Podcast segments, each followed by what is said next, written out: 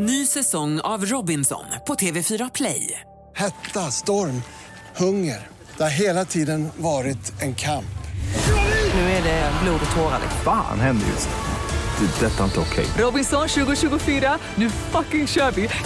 Streama på TV4 Play.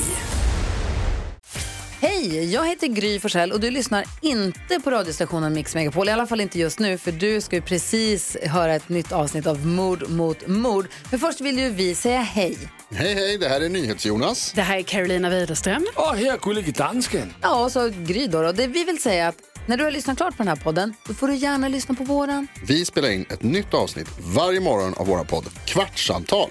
Och hela radioprogrammet blir ju också en podd om man är väldigt morgontrött eller så. Just det, om man missar morgonen ja. Men mest av allt så får du gärna lyssna på programmet i direktsändning varje morgon på Mix Megapol. Live varje morgon från klockan sex och då har vi med oss massor med vänner också. Thomas Bodström, Babben Larsson, Johan Pettersson, Christian Luuk. Massor med coola människor som bara dyker upp och gör livet bättre. Ja, som jag, Gullige Dansken.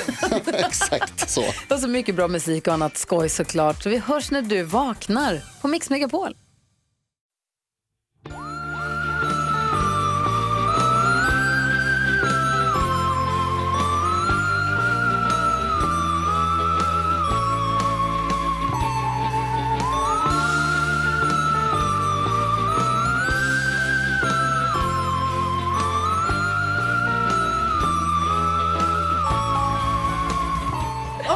Hej och välkomna till Mord mot mord med Karin Londré och Anna Sandell. Fan Anna, jag känner att du lever.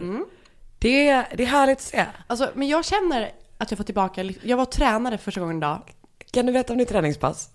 Alltså, Alltså- ingenting gjorde mig mer stressad än när du berättade om Det är det ett koncept som heter Rock the Bike. Eh, och det är alltså disco på en spinningcykel. Det låter hemskt. Men det är typ det, men det är också kul. Alltså jag tycker ju att allt är skämmigt. Så första gången jag gick på det här. Så gick visste- du med någon eller själv? Nej, själv. Hur, hur kommer det sig att du valde Rock the Bike från början? Jag tror typ att det var så här, det enda som var ledigt Ah, den ja, tiden som ja. passade. Och sen blev du... Det är så här sekter tar en. Typ. Det är Men, den enda eh, sektorn som är ledig. Alltså jag skämdes så mycket. Jag gör det fortfarande ibland. Men det, det, det, dansar man? Nej, men det är så här koreografi på cykeln. Så man cyklar och så är det typ att man är så här. Nu sträcker du ut armarna eh, i någon slags... Ja, jag Så fattar. är det typ att man gör så här arm... Det är alltså som soul cycle typ i... Eh, Okej. eh, så man gör armhävningar på styret i takt med musiken samtidigt som man trampar. Det är asjobbigt och det är Ja. jättekul. Ja, ja.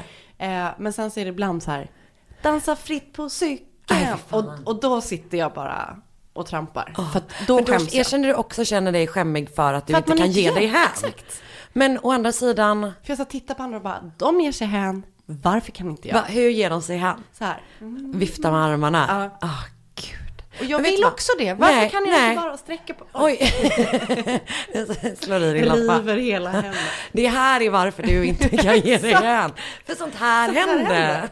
Ja, nej. Nej, men jag tycker att det hedrar dig att du inte ger dig hän. ja, bra. Tack. Alltså jag, eh, tänk om jag hade gått förbi, kollat in, så hade du suttit där inne. Rock the bike! Och sen har du också berättat för mig att vad händer, vad händer när passet är klart? Vad är det Ja, sista som händer? Idag gjorde vi inte det till exempel. Okej. Men första gången Ja. så skulle vi dansa runt cykeln. Som avslutning. Bara liksom, Salsa-steg typ så här. Och då dog jag. du är ju ett steg från kongatåg. Ja, alltså. Nej men du vet, jag är en sån person som typ såhär, när jag gått på sån, eh, alltså på bodypump. Så hade jag kommit ihåg att jag hade en kvinna som hade, hon var svensk men hon hade börjat jobba som bodypump-instruktör i Australien. Eh, och, Så she was uh, ja, hon Aussie. körde sådana liksom peppiga eh, grejer. Och så kommer jag ihåg att hon, alltså mitt starkaste minne är innan jag blacked out of shame, eh, var att, men du vet man skulle göra liksom knäböj och så skulle man göra inte hela vägen upp utan där nere Puls, liksom. ja. Puls, exakt. Och då sa hon så här, in the basement. Ah, det har jag hört med om också. Alltså. Eh, Även på svenska, i källaren. Jag tror att det är sånt tugg man har på Les Mills som är de... eh, Nej men jag får panik. Jag får, får Alltså- panik. Jag tränar inte pass längre. Nej, för mig är det liksom verkligen en hårfin gräns. Ja. För att jag gillar ju det där lite peppiga. Men det är ju väldigt lätt att, det handlar Hamna i lite källaren, om personkemi. Okej. Direkt vad jag känner tror jag. Ja. Och rock Ehm. the bike känner du ändå? Men typ gillade den här instruktören. Nej, jag vet inte. Jag går inte på det så ofta, men det var samma sak nu. Det enda som passade Absolut. tidsmässigt. Absolut. Rock the bike. Vad är det för musik? Det här var eh, dancehall-tema. Nästa vecka så lanserar de en ny som är Ibiza Club. När det bara är sån, eh, du vet som det klippet när Lindsay Lohan dansar. Alltså, jävlar. Tick, tick, tick, Ja. Det klippet är ju Det är drömmen. Så kommer du dansa då? Ja. Hon ger sig hän. Ja. Så bra. Ja. Eh, jag har en grej som jag behöver prata med dig om. Som är den här eh, deckaren som heter typ så här 1700... Ja, 93. Exakt. Du, den har väl du lyssnat på? Ja, nej, den, jag har läst den faktiskt. den finns på Nextory, Ja. eller hur? Ehm, alltså min... Jag tror jag har tipsat om den i podden. Exakt, det har du. Det du inte berättade är att det låter som att det är världens sjukaste historia. Hur, vem har sagt det här till dig? Alltså min kollega, alltså, min kollega Kasper har läst den. Ja. Och hela, alltså hela mitt, han berättade om det här på hela mitt, på liksom hela kontoret. Mm. Och alla var liksom helt skakade, förutom jag då som ville veta Mm. mer. Eh, att det var liksom en så jävla grov mordhistoria. Den är faktiskt eh, startgrov. Jag, ehm, eh, nej precis, det är en helt sjuk historia. Eh, och jag typ, eh, en, en sekvens var att jag mådde Illa. illa. Ehm, Men för jag tänkte bara, det var något så himla tydligt med att alltså, hela, alltså alla jag jobbar med var liksom outraged. Att Mm. det typ var så här, fan ingen människa borde läsa den här, eller lyssna på den här boken. Medan typ så här, du Fan, har vad inte, Kasp- alltså, du har inte nämnt det en enda sekund. men Kasper måste ha dragit på pepparkvarnen där och kryddat upp den. Eller? Eftersom jag är älskar deckare. Ja. Eh, Ja men dels att jag är den jag är med mitt morbida intresse. Mhm. Men också att jag, jag har ju läst deckare, det var alltså från att jag liksom typ började läsa så har jag läst deckare. Och jag tänker till exempel Kepler-böckerna. Mm. Är väl mycket grova? mer, alltså den, den, så jag, för mig, det var äckligt liksom. Mm. Ehm, den är ju helt sjuk. Men jag Men- försökte också sen göra övergången till, för att då berättade, Kasper berättade det och sen så berättade Sara något annat, och som hon också hade läst en deckare och jag bara, ja, ja, och så var jag typ precis redo, jag skulle precis börja berätta om The Toy Box Killer, som är typ min, Ja. alltså den är ju en sån, och det är på riktigt. Har vi gjort det Toybox Killer i Nej men eh, vad blir det för mord gjorde det typ väldigt Ja. nyss, så om man, eh, Den är tänk- fan. den är fan vad grov den är. Och även Case File har gjort den. Har gjort. Jag tänkte på det här om dagen för att när jag lyssnade på Case File så blev jag så chockad över att det var, han hade medhjälpare. Det visste inte jag innan jag Nej, jag lyssnade på. Jo, men han hade ju sin dotter göra. Dotter och alltså. Som flickvän, ja, Nej, men de är, men och det var ingen ville höra av den historien. Nej. När jag bara, ah, och sen så, eh, Och då kände jag mig för första gången på väldigt länge, nu när vi typ har en del av det här communityt av folk som tycker att det här är helt normalt att prata om. Eh, så kände jag mig för första gången, du vet så, som folk beskriver att de kan känna sig när de ja. börjar prata om mord liksom. Att jag bara, vänta, hur kan ni inte vara intresserade av det här? Nej, alltså. ehm, Det var bara länge sedan jag var med om det. Ja, jag fattar vad du menar. För att, ah, också för att alla nu är så him- himla, alltså alla vet att man gör podden, alla Mm. är, och typ, fan vi kan berätta en god story liksom. Jag var Mm. På väg att berätta en god story, hur kan man inte vara intresserad av det? Den är på riktigt, hallå? Ja det var bara en, Ja, jag det var bara, Nej, jag bara men, tyckte att det var eh, intressant att de pratade om att typ den här boken borde vara verkligen det grövsta någonsin och du har inte nämnt en enda sekund. Nej men eh, precis. Så men nu- den är stört bra. Men jag, jag tänker att jag kanske ska, jag tycker du ska lyssna på den. 1793, vad heter han, någonting natt och dag? Eh, Niklas Natt och Dag tror jag Just det. Det som också jag gillar med den är att det är en historisk skildring. Jag Ja. gillar ju historiska böcker, alltså som utspelar sig... Skryt. Nej men, framförallt som utspelar sig i Stockholm för att Ja. jag är så här hemmakär, att jag liksom tycker om, eh, det här är inte en deckare, men det finns ehm, en bok som heter Barnbruden, Mhm. som handlar om en tysk flicka, som, alltså så det här är på 1700-talet. Mm. Jag älskar sådana skildringar, som hon gifte sig med en prins i Stockholm. Eh, Soft. och den är baserad på sanna dagböcker. Jag Mm. älskar sådana böcker som beskriver Stockholm. Så det gillar jag också jättemycket med 1793. Mm, vad bra. Har du några fler anledningar? Eh, den är jättebra bara. Okej, bra. Har vi något mer? Eh, vi pratade ju om Bird Box igår, du och jag. Just det, jag har ju inte sett den eftersom den är, väl är en skräckfilm. Alltså det är en skräckfilm. Det är ju Netflix, en Netflix-film. Netflix-film med Sandra Bullock som jag älskar. Ja, otrolig. Har älskat sen Miss Congeniality. Gud, Eh, otrolig jag, film. Jag och Oskar hade, fick en spricka i vår relation när vi var sjuka och den gick på tv och han säger att det är den värsta filmen han kan tänka sig att se. Ursäkta? Mm. Okej, det är därför han inte är här nu. Exakt. Vi har gjort slut. Ja, bra. bra, då kan äntligen flytta in på riktigt. ja, kom, kom. Nej men det var ju väldigt, det var sårande. Ja, jag förstår det, jag förstår det. Uh, Bird Box Jag tycker faktiskt man ska se den.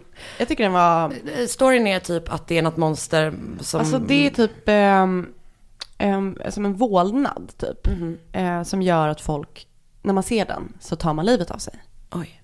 Och den är faktiskt väldigt spännande. Jag gillar ju typ inte så, jag gillar ju, jag tycker inte det är läskigt med skräckisar, men jag blir irriterad på det. För att jag tycker så här, det här är liksom inte verkligt. Nej. Och då gillar jag ändå Harry Potter. eh, nej men jag är liksom, så att Oscar var jätte, tyckte jag var jätteobehaglig. Men jag är liksom lite så här, Men är det så? Buh. Alltså nej, den ja, li, inte riktigt. Mer Nej. typ, den är obehaglig. Men jag tycker att man ska se den. Jag Den- kommer ju inte se den. Nej. Eh, men, eh, för, eller för att jag, grejen är att jag tror att jag blir för grundrädd. Det är likadant som typ det här med spökhus. Jag vet om det på förväg. Fan, jag blir, varje gång du säger det så blir jag ledsen att du inte vill gå i spökhus med mig. men du kommer inte försvara mig. Jo! Du Nej. sagt Jag kommer använda det som sköld. väl Du kommer där. verkligen använda mig som sköld. Kan vi inte ta med oss någon som kan vara vår human Men vem shield? skulle det vara? Din kille är uppenbarligen jätterädd. Ja, Min, nej jag tror verkligen inte på honom. nej. I livet i allmänhet. Ja, men Bird Box är i alla fall spännande. Okej, okej, okej, bra. Eh, Jag har ett lite eh, märkligt eh, podcasttips också. Som jag inte som jag fortfarande typ inte riktigt vet. Ah, skitsamma. Eh, Boston Globe och Wondery har gjort en serie om en snubbe som heter Aaron Hernandez. Och han är alltså football player. Eh, men hamnade också i fängelse för att han har mördat en. Och var sen uppe i en rättegång för två mord till och sådär. Ehm, och den handlar ganska mycket om, alltså, vilket ju är, är um, intressant och typ relevant utifrån vårt perspektiv som vi alltid pratar om huvudskador. Den handlar om alltså just vad fotboll gör med, det, med spelarnas hjärnor. Ja. Och typ hur det hårdhänt, påverkar ja. folk liksom. Eh, så ehm, att man typ skänker, ganska, det är ganska vanligt, skänker låter konstigt nu, jag kommer säga vad jag kommer säga. Man skänker alltså fotbollsspelares hjärnor till forskning efter att de dör. Aha. Det är tydligen ganska vanligt. Är det Eh, att det blir så svullet och... Ja, och det är typ Mm. ganska många ehm, i den sporten som har um, begått självmord typ. Mhm. Alltså att det liksom är så här, så att den följer hans liv, vilket, och den är jävligt bra berättad. Mm. Gud vad kul, vad heter den? Den heter Gladiator. Mm. Och det är ganska mycket typ så bara, he was a great, han är inte en, han är en tight end. Vilket jag tycker låter snuskigt men tydligen Ja. är en position. Ja, ja. Ehm, så det är, alltså det är ju en del så här sådana grejer som man inte bryr sig om. Men det är en jävligt bra berättad historia och typ intressant för att de har med några hjärnforskare Mm. och eh, även typ, det är ju true crime också liksom. För jag berättar också ett lite random poddtips då när vi ändå Ja. är on it. Då är det Petri Historia dokumentär. Ah, Peter historia är superbra. Så bra om Matahara. Matahari. Ah, Som var alltså, en kvinnlig entertainer slash spion. det låter ju otroligt. Alltså, Men för Peter historia i allmänhet är ju bra. alltså så bra. Japp, japp. Var den bra? Jätte, ja, jätteintressant. Nice. Eh, så den vill jag tipsa om. Mm, bra. Den, han, ja, den är Fan superspännande. vad vi ger många bra tips. Det tycker jag också. Alltså jag tycker verkligen Ja, det. Jag vill verkligen bara säga det. jo, en mysig grej eh, som jag bara blir glad för, som jag vill eh, eh, bara säga. Ja. Att jag tyckte att det var så himla mysigt att det numera är en grej i vår Facebookgrupp att folk bara lägger upp bilder på sina husdjur. Väldigt gulligt. Alltså, keep them coming. Verkligen. De är alla mina bästa vänner nu. Bara husdjur med hår. Men snälla, menar du att man inte får lägga en naken katt? Jo, jag tänkte mer ormar och sånt. Jag har sett en ödla som var gullig. Jag gillar typ en gullig gecko alltså. Jag tycker det är så läskigt. Nej! Geckosar är ju supergulliga. Jag blir alltid glad när man är på semester och Ja men det ute i naturen är ju skillnad. Ah, okej, okej. Men okej, keep them coming. Djur som djur. Gud, alla djur, eh, välkomna. Om någon har en minigris. Ah, Posta gud, det. snälla. Japp, japp. Karin, Ja, Anna. visste du att även den här veckan så har vi med Nextory som samarbetspartner och ingenting gör mig gladare för man får lyssna på så mycket härliga böcker. Så bra ju. För att Eh, om man är lyssnare till Mord mot mord Japp. så går man in på nextory.se snedstreck kampanj, skriver in mord mot mord som kampanjkod och så får man en hel månad gratis. Det är otroligt. Varför har du aldrig berättat det här? Eh, jag vill tipsa om en bok den här veckan. Jaså? som heter eh, Huvudet i bokskogen. Oh, oh. Av Joakim Palmqvist. Det är en sann berättelse om eh, när en svampplockare, det här är nere i, i Skåne, om jag inte fel, hittar ett människohuvud när hen är ute och plockar svamp. Och eh, huvudet visar tillhöra Maroa Ajou som är en tonårsflicka från Malmö. Som har försvunn, varit försvunnen i tio månader. Oj, oj, oj. Så den, jag har läst om det här fallet och ja, har du något tips? Ja, och jag tipsar också om eh, en bok som är baserad på en sann historia. Och den heter um, Är jag inte värd mer än 20 spänn? Av Camilla Övergård. Det låter extremt deppigt. Och det handlar om, hon har blivit utsatt för sexuella övergrepp. Och ehm, jag tycker att den verkar fruktansvärd. Men jag tycker man ska lyssna på fruktansvärda saker ibland. För Ja. att lära sig om hemskheter. Nextory.se slash kampanj. Skriv in mord mot mord som kampanjkod. En hel månad gratis. Ni kan lyssna på de här böckerna och ni kan lyssna på jätte, jättemånga fler. Det finns hur mycket som helst. Helt mycket som helst. Hej!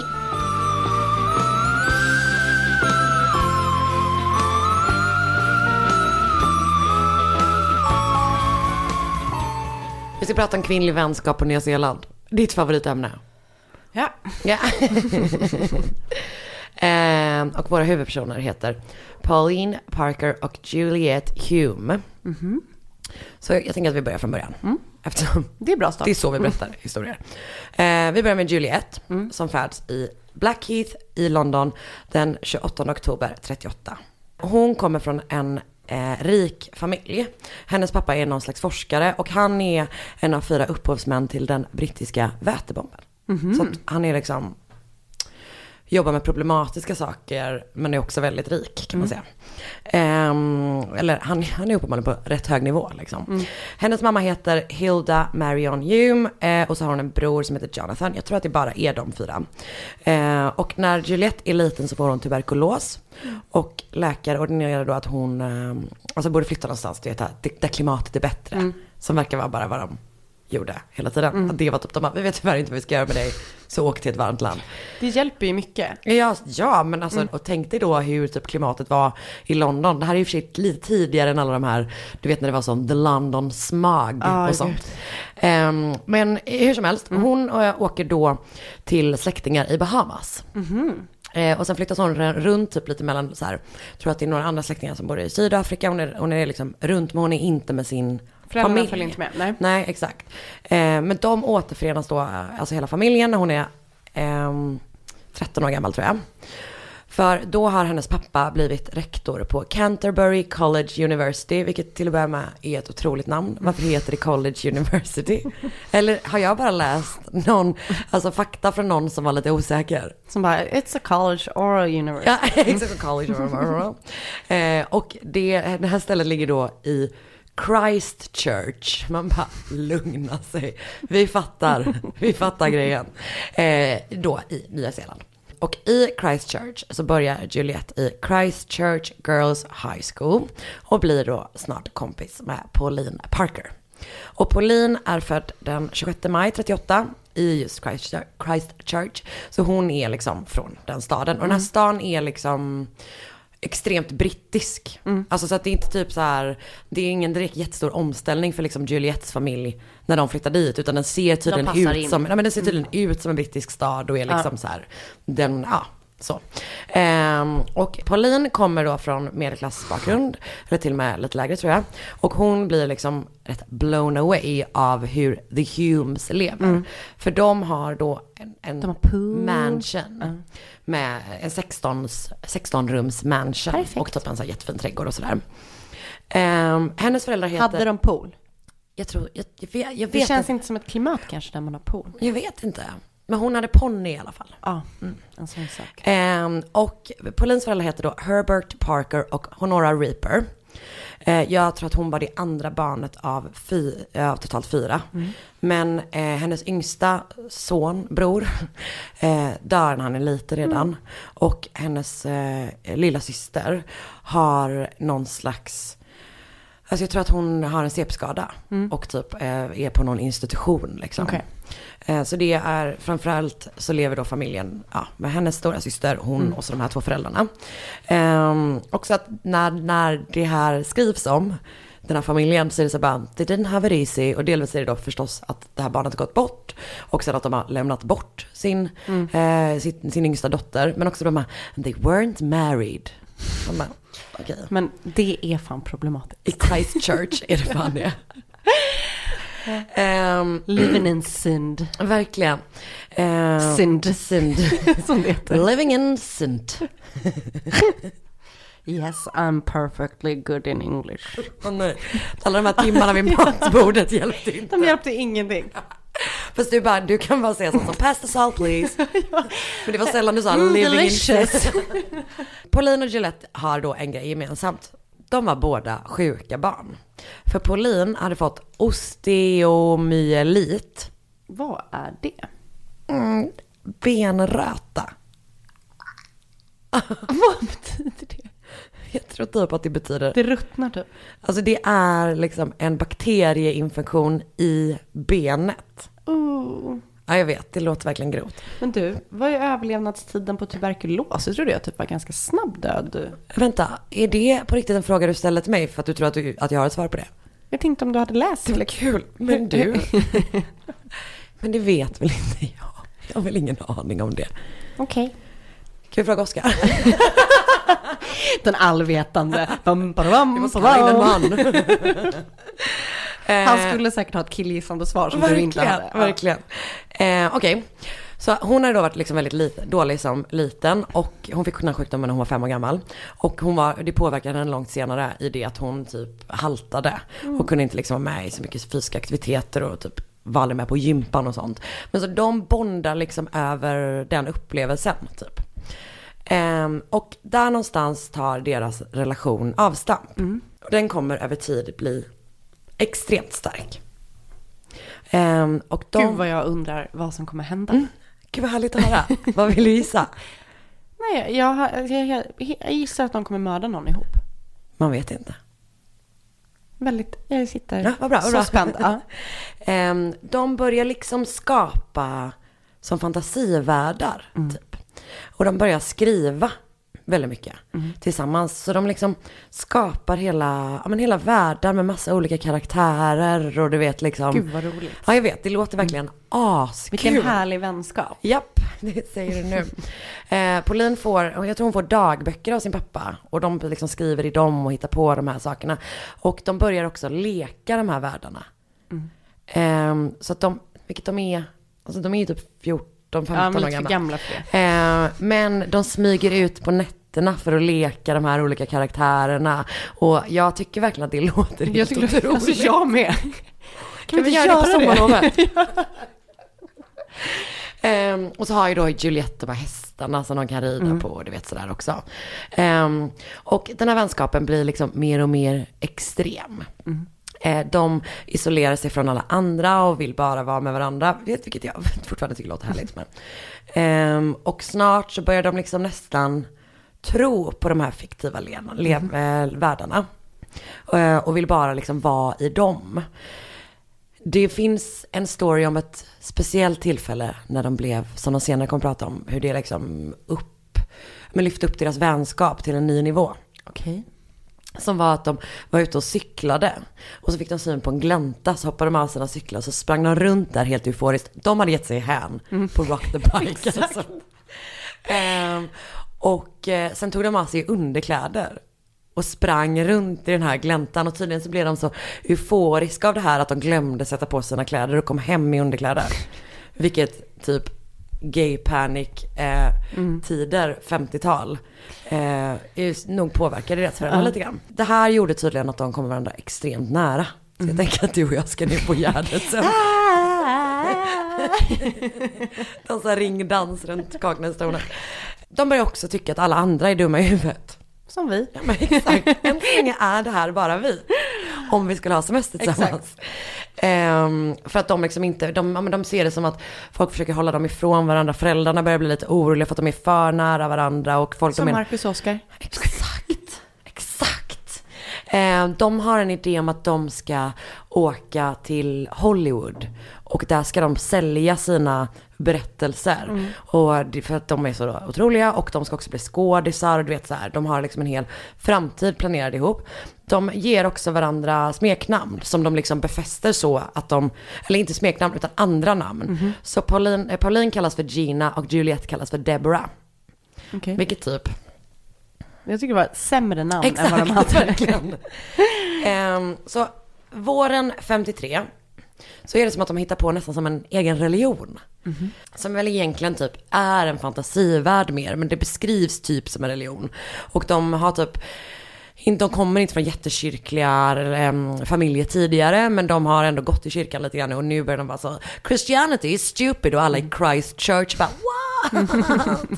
Det här är för att hennes föräldrar inte har gift sig. Uh. Och de skapar då en värld som i den här religionen bygger på som är, heter the fourth world. Som man är någon slags upphöjd till, för du vet lite så nirvana-aktigt tänker jag att det är. Som bara, liksom bara de kan se in i. Rolig detalj om det är att det, det finns helgon där och de här helgona är liksom operasångare och skådespelare. Så bland annat menar de att Jussi Björling är det här. LOL! Ja, ja. Ehm, och de tror att de kan hitta till den här världen eftersom de har en extra del i sin hjärna. Okej. Du fattar? Ja. Det börjar kännas som Folia dö. En dubbel, liksom en delad psykos typ.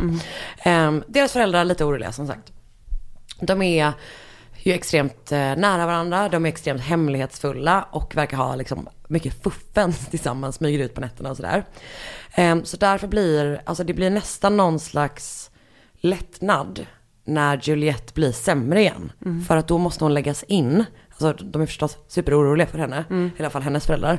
Men att de ändå är så här, då kommer vi kunna hålla dem separerade. Och så tänker jag typ att man alltid tänker, du vet det är likadant som i alla filmer typ när det är ett så här, en stark kärleksrelation mellan tonårspar så är det bara We'll just let them cool down. Alltså Ja, att ja, det ska ja. göra skillnad liksom. Men eh, tjejerna skriver då brev till varandra varenda dag och de skriver till varandra i karaktär. Som liksom de här personerna från den här, eh, från den världen liksom. Och grejen är att när Juliette blir friskare och de ses igen så är typ relationen starkare än någonsin. De fortsätter liksom planera sin framtid. Eh, men så verkar det då som att något kommer komma i vägen för tjejernas grandiosa planer om att åka till Hollywood och bli superstjärnor. För 1954 berättar Juliettes föräldrar att de ska skiljas. Juliettes mamma har varit otrogen och jag läste någonstans att Juliette hade kommit på henne. Nej. Att hon hade liksom gått in. Oh. Och dessutom så har Juliette, Juliettes pappa tvingat säga upp sig från sin rektorstjänst för han har typ röstat emot någon sån school board och sen har de misstroendeförklarat honom, någon sån grej. Så i mars 54 har han då liksom, det har blivit klart att han ska sluta. Anledningen till att de var i Nya Zeeland redan från början var ju på grund av det här jobbet. Ja. Så nu blir det då klart att familjen ska flytta därifrån. Och Juliette ska flytta till de här släktingarna i Sydafrika. Som hon har varit hos innan. Och hon får liksom panik av bara tanken på att vara åtskild från Pauline liksom. Men, så de hittar liksom på en lösning. Och lösningen är då att Juliette vill att Pauline ska följa med henne till Sydafrika. De är liksom 15 och 16 år gamla. Perfekt. Eh, ja, perfekt. Och eh, alla deras föräldrar tycker ju liksom att deras relation är ohälsosam. De har liksom eh, säkert läst lite av det de har skrivit. De har sett dem leka. Som sagt, de är ändå 15 och 16 år gamla. Eh, de bara rusar runt så och pratar med Jussi Björling, du vet. Det blir konstigt. Eh, och de inser väl typ att så, okej men nu har vi en chans att faktiskt få ett slut på det här. Men mot alla odds så säger Juliettes föräldrar att så här, absolut, Pauline får följa med bara hon får för sina föräldrar. Vilket känns som någonting. Så gud vad hans föräldrar gjorde sådär. Exakt. För de visste att de andra föräldrarna skulle säga nej. Jag vet, jag vet. Det är ju verkligen exakt så. Och det är, fan vad taskigt. Det är så jävla Och fan vad det taskigt. känns som att det händer även inom föräldrapar. Absolut, om mamma säger ja så. Exakt. Japp, Ja, exakt klassiskt. så. Man visste ju också jag- vilken förälder som sa ja alltid. Exakt, verkligen. Ehm, Alltid pappan. Allt, verkligen, alltid pappa. Jo, det är det. Jag hatar det. Att man så här, som kvinna kommer man... Alltid var den tråkiga. Ja! Nej. Nej, nej det går tyvärr inte. Mm. det blir inga barn, Marcus. Ny säsong av Robinson på TV4 Play. Hetta, storm, hunger. Det har hela tiden varit en kamp. Nu är det blod och tårar. Fan händer just nu. Det. Detta är inte okej. Robinson 2024, nu fucking kör vi! Streama på TV4 Play. Ett poddtips från Podplay. I fallen jag aldrig glömmer djupdyker Hasse Aro i arbetet bakom några av Sveriges mest uppseendeväckande brottsutredningar. Går vi in med hemlig telefonavlyssning och, och då upplever vi att vi får en total förändring av hans beteende. Vad är det som händer nu? Vem är det som läcker? Och så säger han att jag är kriminell, jag har varit kriminell i hela mitt liv men att mörda ett barn, där går min gräns. Nya säsongen av Fallen jag aldrig glömmer på Podplay. Ehm, men så att eh, Pauline och Juliette känner väl typ så här, ah, det finns hopp typ. Vi kan, det finns en chans att vi faktiskt får fortsätta vara tillsammans liksom. Men eh, det blir då Paulines mamma, Honora, som får bestäm- meddela tjejerna att så här, det finns inte en chans i helvetet. Nej. I Jussi Björlungs, Jussi Björlings hel- helvete. Eh, det kommer inte hända liksom. Vilket är så här superrimligt. Hon är 16 Alltså år gammal. 100% rimligt. Ehm, det är typ det rimligaste jag hört i den här historien. Och tjejerna har då total panik över att liksom skiljas åt. Att det är så här, de kan inte föreställa sig ett liv utan varandra. Och Gud är vad man så kände stifta så. upp ja, varandra också. Och man kände så så himla mycket när man var i den Ja. åldern. Att det var så här, man fattade inte. inte. att man kunde gå vidare. Nej, nej verkligen så, verkligen. Och det tänker jag, det kan man ju vara Alltså i kärleksrelationer också liksom. Absolut. Det gick ju rykten om att de var lesbiska men eh, jag har hört senare typ, eller de har, de har alltid förnekat det Mm. själva liksom. Men jag tänker typ att en, en vänskapsrelation, en riktigt, riktigt stark vänskapsrelation ligger ju väldigt nära kärleken. Verkligen. Som du och jag vet. Ja, Nej, men så är det ju. Ja, alltså att det blir, och framför allt då när det är så extremt starka känslor liksom, och man känner att man har verkligen hittat någon som förstår en. sådär. Ehm, men de börjar då skriva en ny historia, en mörk plan. För de får då för sig, eller i deras värld så finns det liksom bara en enda person som kan stå i vägen för deras vänskap. Och det är ju då Honora Reaper, Paulins mamma. Så de bestämmer sig för att de ska döda henne. Eh, de ska döda henne och få det att se ut som en olycka och då kommer de få åka tillsammans till Sydafrika. Och Pauline skriver ner hela den här planen i sin dagbok. Smart. Eh, och fortsätter liksom skriva om den här planen hela, hela vägen fram till mordet. Har lite citat från dagboken. Så dagen innan så eh, skriver hon så här. Deborah, vilket då är hennes nick, eh, smeknamn för Juliet, rang and we decided to use a brick in a stocking rather than a sandbag. We discussed the, mother, the murder fully. I feel very keyed up, as if I was planning a surprise party. So the next time I write in the diary, mother will be dead. How odd, yet how pleasing. Alltså, fuck vad stört. Visst är det sjukt? Den 22 juni 1954 vaknar Pauline och skriver igen då i sin dagbok under rubriken The day of the happy event. I'm writing a little of this up before the death. I felt very excited and the night before Christmasy last night. I did not have pleasant dreams though. I'm about to rise. Alltså att hon känner det som dagen innan julafton. Alltså, Och en så extremt sorglig detalj är att Honora liksom är så här glad när hennes dotter både är väldigt trevlig mot henne, för de har haft en extremt liksom infekterad relation ganska länge nu, men också att hon vill vara med henne. Och hon och Juliette, Pauline och Juliette frågar om Honora vill ta en promenad med dem. Eh, och hon blir jätteglad typ. Och, och du vet, det är också så här, jag tror att Juliettes flytt ligger ganska nära i tiden. Så hon känner väl också att så här, ja nu gör vi det här och sen Ja, är det ja. över. Och så kan jag få, typ, få tillbaka min dotter igen liksom. Och eh, jo men så de har då bestämt att de ska gå ut och gå i Victoria Park. Och eh, först då när de kommer dit så fikar de tillsammans typ vid någon liten kiosk typ. Att de köper ja, lite så här, dricka och mat sådär. Eh, och sen börjar de gå på någon, eh, ja, men någon led eller någon stig i den här parken. Eller skogen eller vad det är. Ehm, och kort efter att de har börjat gå så tappar Juliette en liksom men en rosa typ ädelsten, citat, jag vet inte vad det var för något. Men du vet det ser ut som ett halsmycke, det är liksom en, men en blänkande rosa sten. Typ. Ja. Ehm, och hon tappar den på marken utan att, nå, alltså utan att Honora märker det. Så på vägen tillbaka så går de samma väg. Och Pauline bara, men gud, vad är det där som ligger på marken? Honora böjer sig ner för att kolla vad det är. Och Pauline plockar då upp ur sin väska en strumpbyxa med en tegelsten. Fan. och börjar slå sin mamma. I bakhuvudet först liksom. Och sen faller hon. Och de har föreställt sig att hon åtminstone ska tuppa av ganska lätt. Men det gör hon ju inte. Alltså det krävs ju extrem kraft för att någon ska liksom bli skadad på det sättet. Så att de typ slår och slår. Och mamman försöker, alltså några försöker Fan, kämpa emot hemskt. liksom. Och de hjälps åt. Alltså de turas om liksom. Och till slut då så slutar, slutar hon andas. Och då eh, slänger de mordvapnet, typ, alltså bara åt sidan liksom. Eh, och sen rusar de tillbaka till den här kiosken där de var innan. Och de är liksom helt hysteriska och täckta i blod. Och det de säger är då att eh, Honora har ramlat och slagit i huvudet upprepade gånger. Alltså bara, Alltså. she just kept on hitting it. Vilket också man bara, om ni ändå ska fucking planera era Ja. dåliga, ja, vi fattar.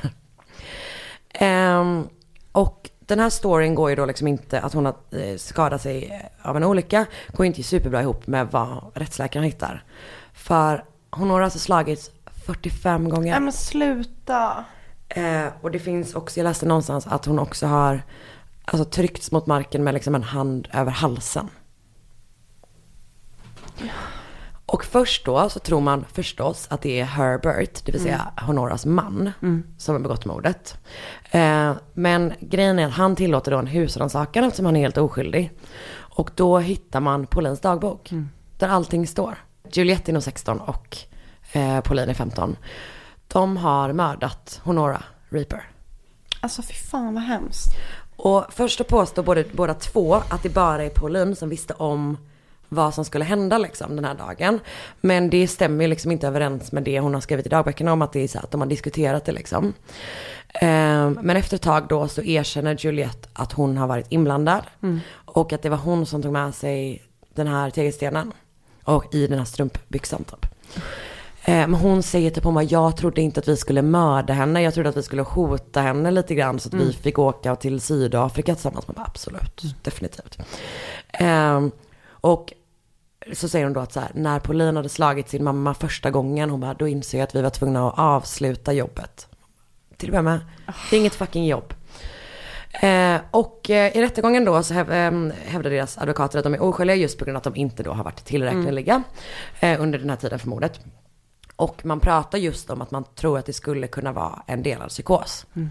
Ehm, och läkaren som undersöker dem, det är flera stycken experter som undersöker dem, men en kommer då fram till att de båda är liksom extremt manipulativa och typ eh, att eh, Pauline inte klarar av att ta kritik överhuvudtaget och blir hon rasande. Och att man kommer fram till att Juliette har en IQ, IQ på 170. Vilket jag tycker låter helt sjukt. Kan det ens stämma? Typ inte. Nej, det låter helt galet. Eh, men hon är bara extremt smart. Ehm, men trots då att flera experter menar att de inte har varit tillräckliga anser en jury att de är skyldiga till att ha mördat Honora Reaper. Men de är ju under 18 så därför får de eh, korta straff och sitter fem år vardera i fängelse. Det finns, alltså så här, det finns ganska många källor som menar att det finns en klausul när de väl släpptes, vilket i och för sig tycker jag att skulle kunna göra under den villkorliga frigivningen åtminstone, som var att de under, alltså absolut inte fick ha någon kontakt med varandra. Nej, säkert. För jag tänker, det kan man ju inte döma någon till resten av livet, Nej. men just under, under liksom utslussningsperioden kanske man kan göra det, att det var ett krav liksom. Um, Pauline Parker byter namn till Hillary Nathan efter att hon har släppts. Eh, och verkar liksom ha levt ett väldigt så här, lugnt och tillbakadraget liv. Tillbakadraget liv. Hon eh, har då extremt ångest. De har inte under, innan, under rättegången så har de inte uttryckt ånger. Men efteråt har de ju, alltså de mår ju piss såklart liksom. Eh, och hon förlorade ju liksom hela sin familj på det här också. Hennes pappa hälsade tydligen på henne en gång i fängelset. Och efter att hon släpptes har de typ ingen relation alls liksom. Hon bor ett tag i Nya Zeeland, men sen flyttar hon till England och jobbar först som bibliotekarie innan hon eh, till slut blev ridlärare. Juliette flyttade då först till sin mamma och hennes nya man efter frigivningen, för de kom ihåg de skulle skiljas. Ehm, och när hennes villkorliga dom är över så flyttar hon till England. Och de är ju så här typ 20 år gamla när de släpps. Mm, helt sjukt. Hon jobbar som flygvärdinna. Det är, det är du. Extremt smart. flygvärdinna, eh, Skilda föräldrar. skilda föräldrar. Ja. De, alltså om man har tre så är det sant. Ehm, ja, hon är typ, men så flygvärdinna ett tag, inköpare på något varuhus innan hon då byter namn och blir deckarförfattare. Nej. Och hon heter Anne Perry. Och bor i Skottland och är alltså extremt framgångsrik. Aha. Alltså hon har släppt typ så här 80 böcker eller någonting. Fan vad Eh, sjukt. och skriver by the way ganska mycket historiska deckare. Så du Mhm, kanske borde kunna kolla lyssna henne. på henne. Ehm, och har sålt alltså extremt många miljoner ex. Men alltså min fråga kvarstår. Jag trodde tuberkulos var typ superdödligt. Det är det enda jag kan tänka på. Men gud, jag har berättat en så jävla spännande historia för dig. Och det här är vad du gör mot mig. Okej, men så här står det i alla fall. Ehm, hos många patienter kan sjukdomen gå fram och tillbaka. Så att läkande och fibros balanserar eh, vävnadsskador och celldöd. Men för det hon åkte ju, eller hon var, Ja. var upp, blev uppenbarligen sjuk igen i mitten av tonåren liksom. Ja, jag vet inte. Nej. Det var så mycket text. Men... Jag hamnade på Folkhälsomyndigheten om eh, tuberkulos och där står det så här. Antalet historiska kulturpersonligheter som dött av tuberkulos är mycket stort. Det kan här kan endast som exempel nämnas Molière, Chopin, Keats, Watteau, Harriet Löwenhjelm och Edith Södergran. Mm. Ja, det var bara lite fakta. Eh, på tal om kulturpersonligheter. Mm. 1994 gjorde Peter Jackson filmen Heavenly Creatures. Där Kate Winslet spelar Juliet. Jaha. Och det är hennes allra första filmroll. Nej, vad spännande. Mm. Och den nomineras till en Oscar för Best Original Screenplay. Jaha. Och det här var ett tips. Och Bra det var tips. ett så jävla bra Sjukt tips. bra tips. Alltså extremt bra Mm. tips. Sådana här tips vill jag verkligen, verkligen ha.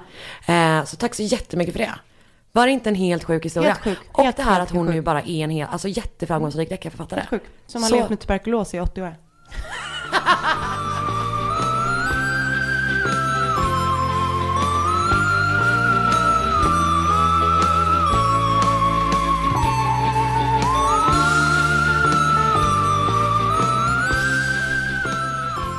Min historia kommer också handla om någon som heter Parker, precis som en av dina gjorde. Mm. Hmm. Tema. Svagt. Svagt tema. Eh, Peter Parker var Spindelmannen. Och- Nej. Den 11 oktober 1915 föddes tvillingarna Marion och Marjorie Parker i Mm. Los Angeles. Deras pappa var en framgångsrik, har skrivit, det, jag vet inte, han var en bankman ehm, som hette Perry Parker. Och en av de här familjemedlemmarna skulle snart bli huvudroll i något som kallades The Most Horrible Crime of the 1920s. Huh. Marion och Marjorie var då som sagt tvillingar. Och Marjorie var den flickiga av de två. eh, Medan Mar- Marion var lite mer av en tomboy. Men trots deras olikheter, att Marion gillade typ att sporta och Marion var med så här, borsta någon annans Det är exakt hår. som vi också. exakt. Vem är vem? Nej vänta, du är båda. Vem är jag? Perry. Perry Parker. Jag är en framgångsrik bankman. Eller ja, en Tvek- bankman. En bankman är du i alla fall. Ehm, men trots att de var olika så var de liksom absolut bästa vänner. Så som jag tänker mig att tvillingar ofta blir. Ehm, vilket var också min högsta dröm, att vara en av en tvilling när jag var liten. Ehm, och de båda gick i en skola som hette Mount Vernon High School, i, eh, som låg på Lafayette Square i Los Angeles.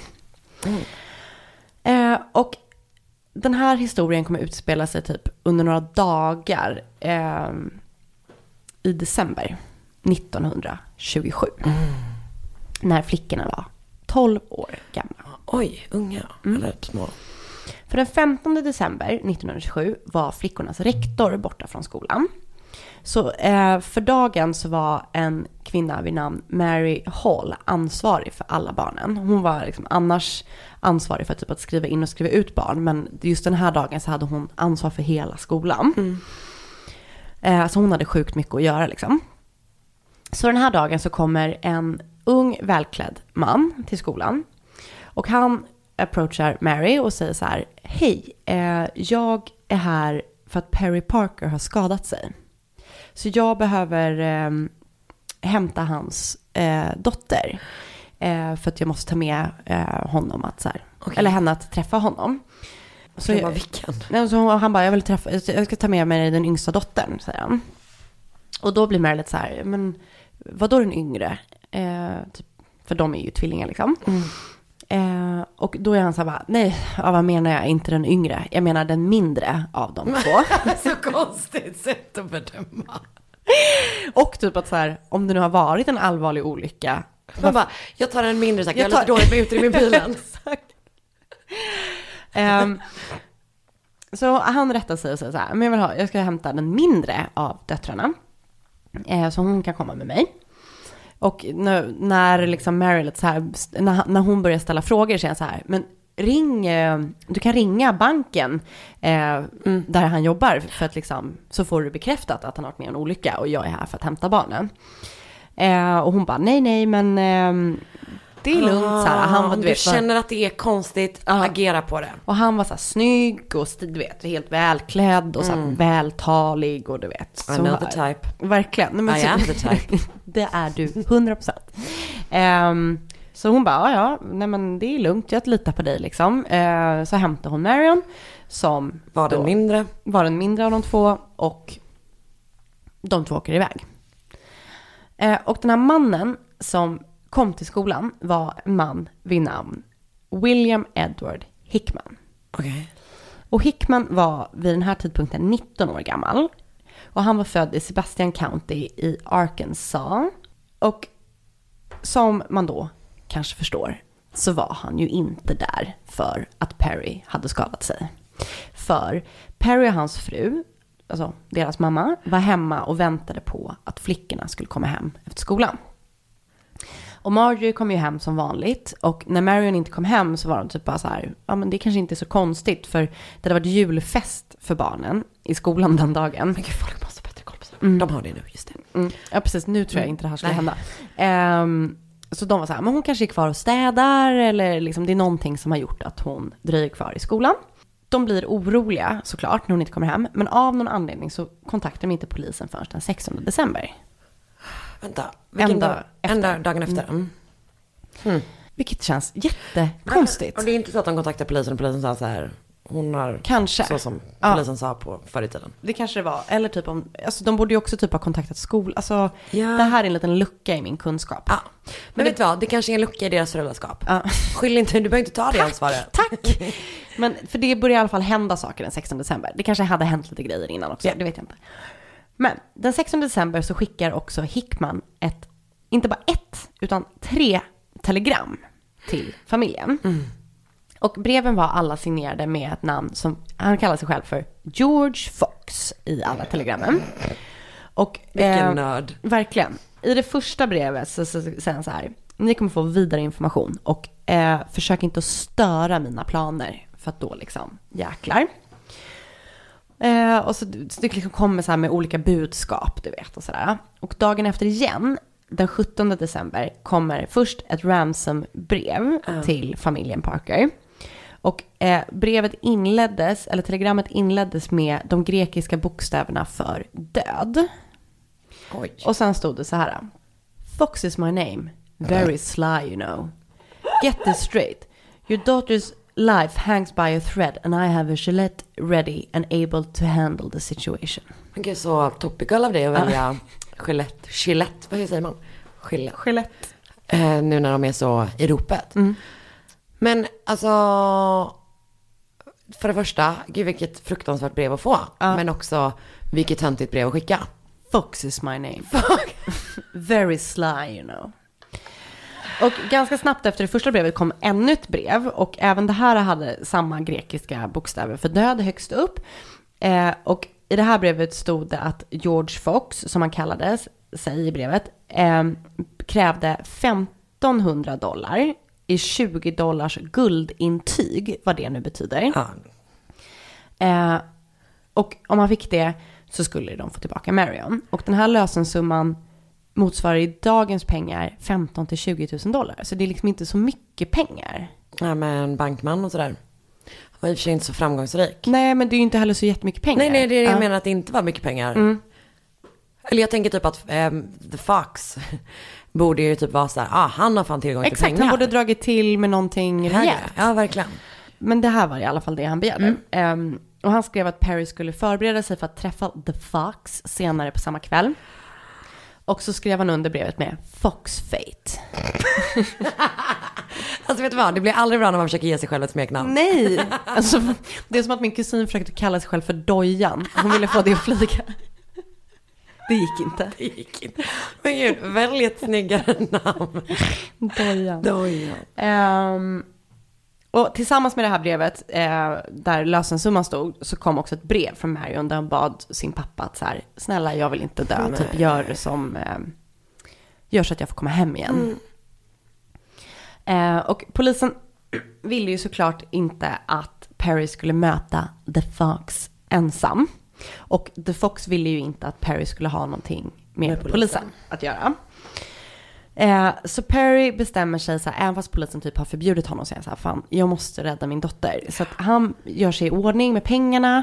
ehm, och i samband med att han packar pengarna så noterar han, alltså, eh, numret, alltså serienumret på typ alla pengar. Så Ah. att han sen ska kunna spåra dem. Det är sjukt smart. Det är klassisk bankmanstänk. Verkligen. Mm. Bra. Det här är sånt som kommer göra honom till en framgångsrik bankman. Exakt, och inte bara precis, bankman. level up. Ehm, så han packar pengarna och bara, nu sticker jag och möter eh, The honom, Fox. The Fox. Så han åker dit till den platsen som han har bestämt eh, och så väntar han och väntar och väntar. Men The Fox dyker inte upp. Eh, så efter ett tag så åker han hem. Det visar sig ju att polisen har ju följt efter honom Ja, ändå. de listade ut att han skulle göra det. Exakt. Eh, så dagen efter får eh, familjen Parker ett nytt tele- telegram där Fox skriver I will be two billion times as cautious and clever as deadly from now on. You've brought this on yourself and you deserve it and worse. A man who betrays his love for his own daughter is a second Judas Iscariot. Many times more wicked than the worst modern criminal. If you want to aid against me, ask God, not man. Man bara, nej nej, det är ändå värre att stjäla ett barn Alltså, än att ta med sig. han är ju ett pucko. Han är verkligen ett pucko. Men vet du vad han är? Han är värsta sortens pucko. Han är ett pucko som tror att han är fucking smart. Exakt. Ja. Men eh, The Fox förlåter honom och säger att han får, nu får Perry en ny chans. För han, The Fox vill inte skada Marion, han vill bara ha sina pengar. Så de bestämmer en ny träff och den här gången så lyckas Perry övertala polisen att så här, följ inte efter mig. Alltså nu måste jag få göra det här på egen hand. Det här är min enda chans att rädda min dotter. Så han, eh, efter lite knorrande så får han åka själv. The Fox och Perry Parker träffas på hörnet mellan Fifth Avenue och South Manhattan Street i Los Angeles klockan 19.30 den 17 december. Och de approachar varandra i varsin bil så här. Eh, och de typ tittar på varandra så här och, och The Fox är väl typ lite så här. Kuk, jag, I mitt huvud är han verkligen utklädd till räv. Han har på sig en sån lång rävnäsa. morrhår. när The Fox kommer så, så stoppar han ut huvudet och så här. eh, you know what I'm here for, no monkey business. Och... no fox business. I'm mainly here for the fox business. Eh, och Perry ber att få se sin dotter. Så här, innan du får pengarna kan du visa upp att du har henne med dig och bla bla.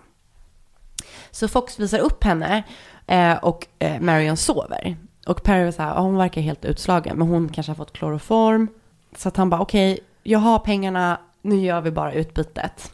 Så Perry ger hon, eh, checkarna till William the Fox Hickman. The Fox bara rafsar åt sig pengarna och bränner iväg och i farten så puttar han ut eh, Marion. Marianne. Så Perry bara rusar fram till sin dotter och framme vid henne så är han så här, Hon är död. hon är död. Eh, så den här filten som liksom hon var i eh, innehöll bara hennes torso och huvud. Eh, och ehm, Du skojar. Nej, och i henne, han hade liksom tömt hennes kropp och fyllt henne med handdukar i kroppen. Så hade han också eh, sytt hennes ögon på något sätt. Så att, ja, jag vet inte. Åh gud. Mm.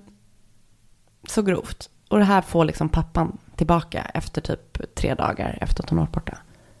Det är så hemskt.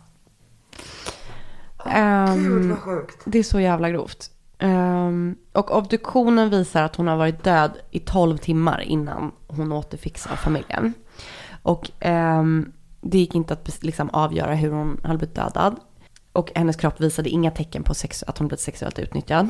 Och hennes armar och ben hittades inlindade i tidningspapper dagen efter av någon man typ. Alltså som, de låg typ i något liksom, område som någon trillade över typ bara. Så hemskt. Också så chockerande för den personen som hittar alltså, ett ben i papper. Ett barnben. Pappan. Mm.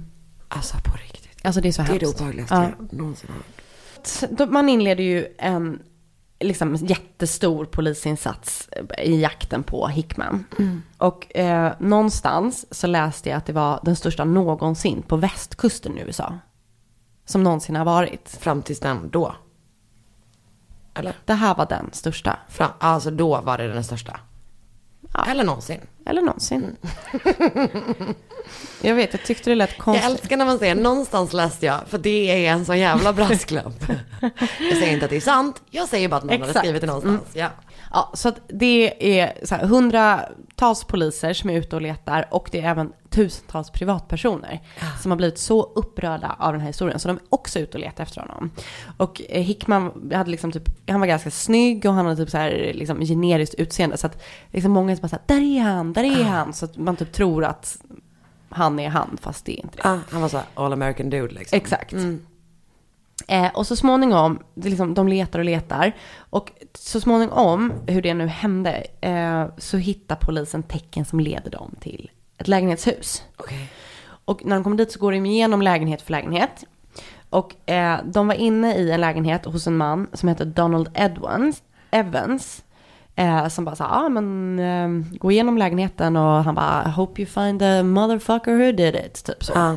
De, det var nog inte motherfucker han sa, men Jag son det, of a bitch bra. it. Åh gud, du gjorde det knappt mildare. Perfekt. Ja, och sen så efter de hade gått, och de hittade ingenting typ, och sen så hade de inga fler ledtrådar att gå efter.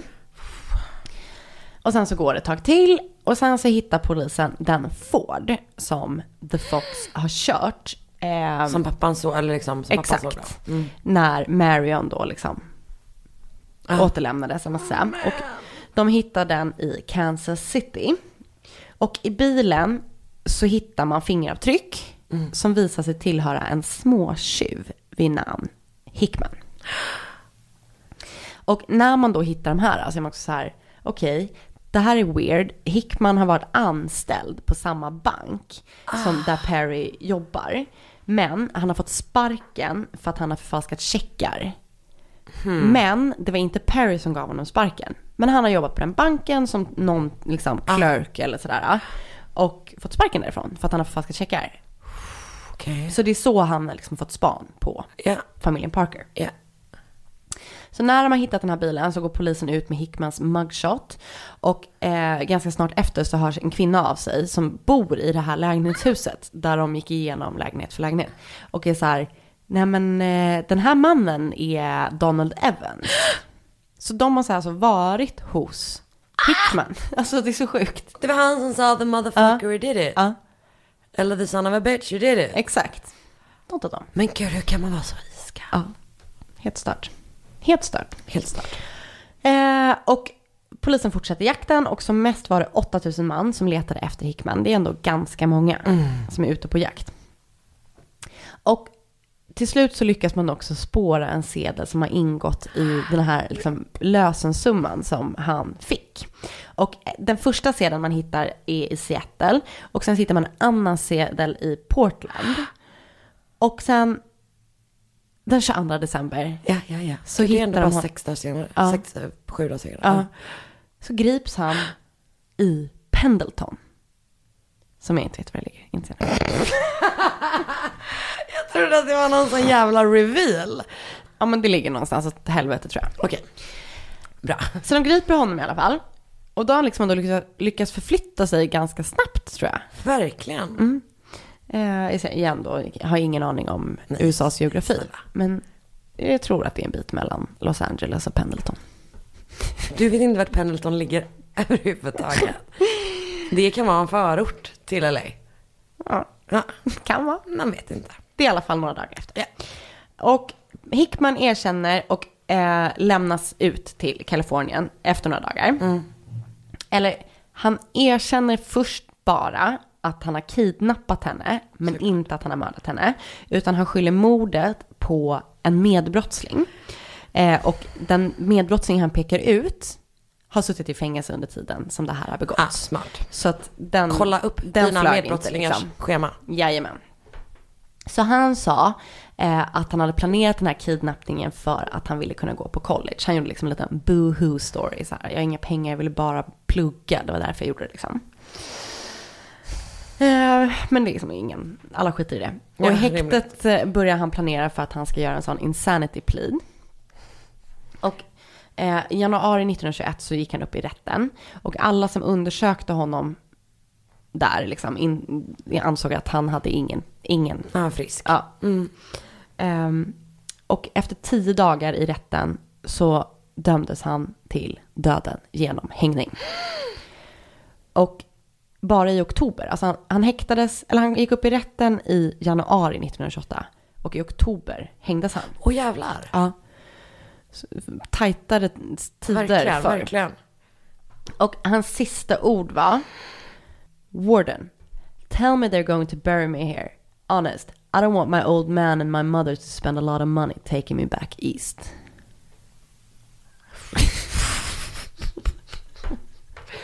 Men okej, jag fattar typ hela den här grejen så här. Eller jag fattar förstås inte det. Men att man bara, okej jag ska gå på college, hela den grejen. Men det var inte som att det var det enda han hade gjort. Alltså det var inte det att han bara typ, bara stora citattecken dödade henne. Han hade ju gjort tjup, alltså. Det fattar jag. Om han ändå bara skulle lämna tillbaka liksom. Vad fan gjorde han så för? Jag fattar inte heller. Du måste berätta det. Ja, men måste berätta så... ja, helt stört i alla fall. Det där var... Åh gud, jag får panik på den där bilden av att han bara rusar fram till sin Ja, dotter. ja, ja, ja. Nej, den är hjärtskärande. Alltså det är Man kan inte det ens tänka på det. läskigaste jag har hört. Man kan verkligen inte ens tänka på det. Nej. Shit vad sjukt. Mm. Var, det, här, mm. var det där ett tips?